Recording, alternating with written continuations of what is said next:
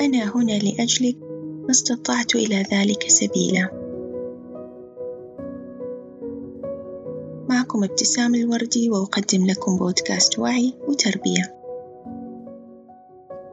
كنت أمشي بجانب بحيرة واقتربت مني بطة وخلفها صغارها بطريقة اندفاعية.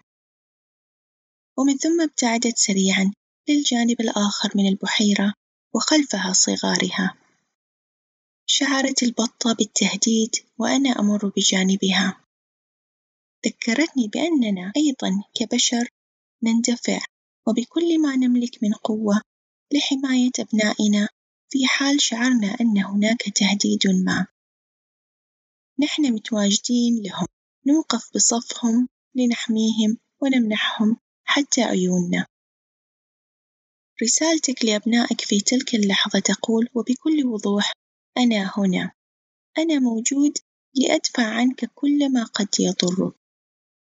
من السهل أن نرى تلك التهديدات الخارجية التي يمر بها الأبناء. فهي واضحة ولا تحتاج منا للكثير من الانتباه والوقت والتفكير. لكن هناك بعض المواقف اللي قد تمر على أبنائنا بدون أن نلاحظها كثيرًا أو أن نتفكر فيها أو أن نقف عندها لنفهم ما يحدث. عندها قد لا تكون متواجدًا هناك لهم. وذلك لأنك غير واعي بما يحدث مثلًا.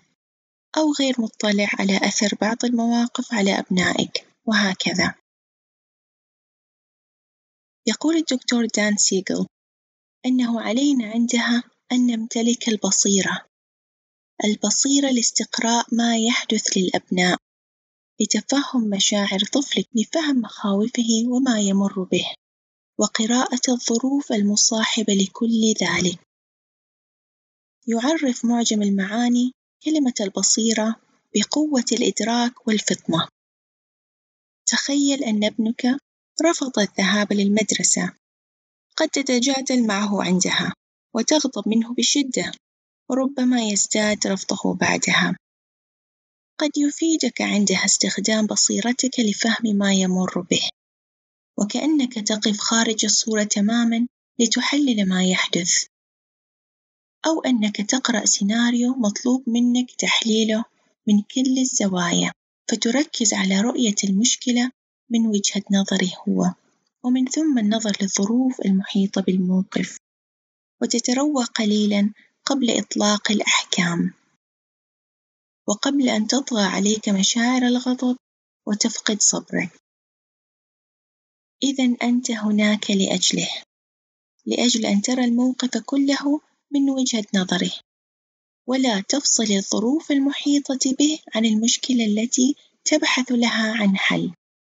أنت هناك لأنك تفهم مشاعره. قد لا تتفق معه لكنك مدرك أن له الحق فيها.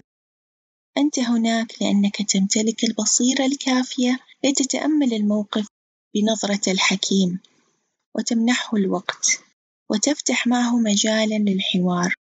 ولك هدف أكبر ألا وهو أن تقوي علاقتك به على المدى الطويل. وتحل المشكلة من جذورها بدلًا من إسكاته وفرض سلطتك بقوة. وتجاهل أن هناك أمور أعمق تحتاج إلى عقلك الواعي وبصيرتك الحكيمة. تحتاج أن تقول له أنك هنا لأجله بكل الطرق الممكنة.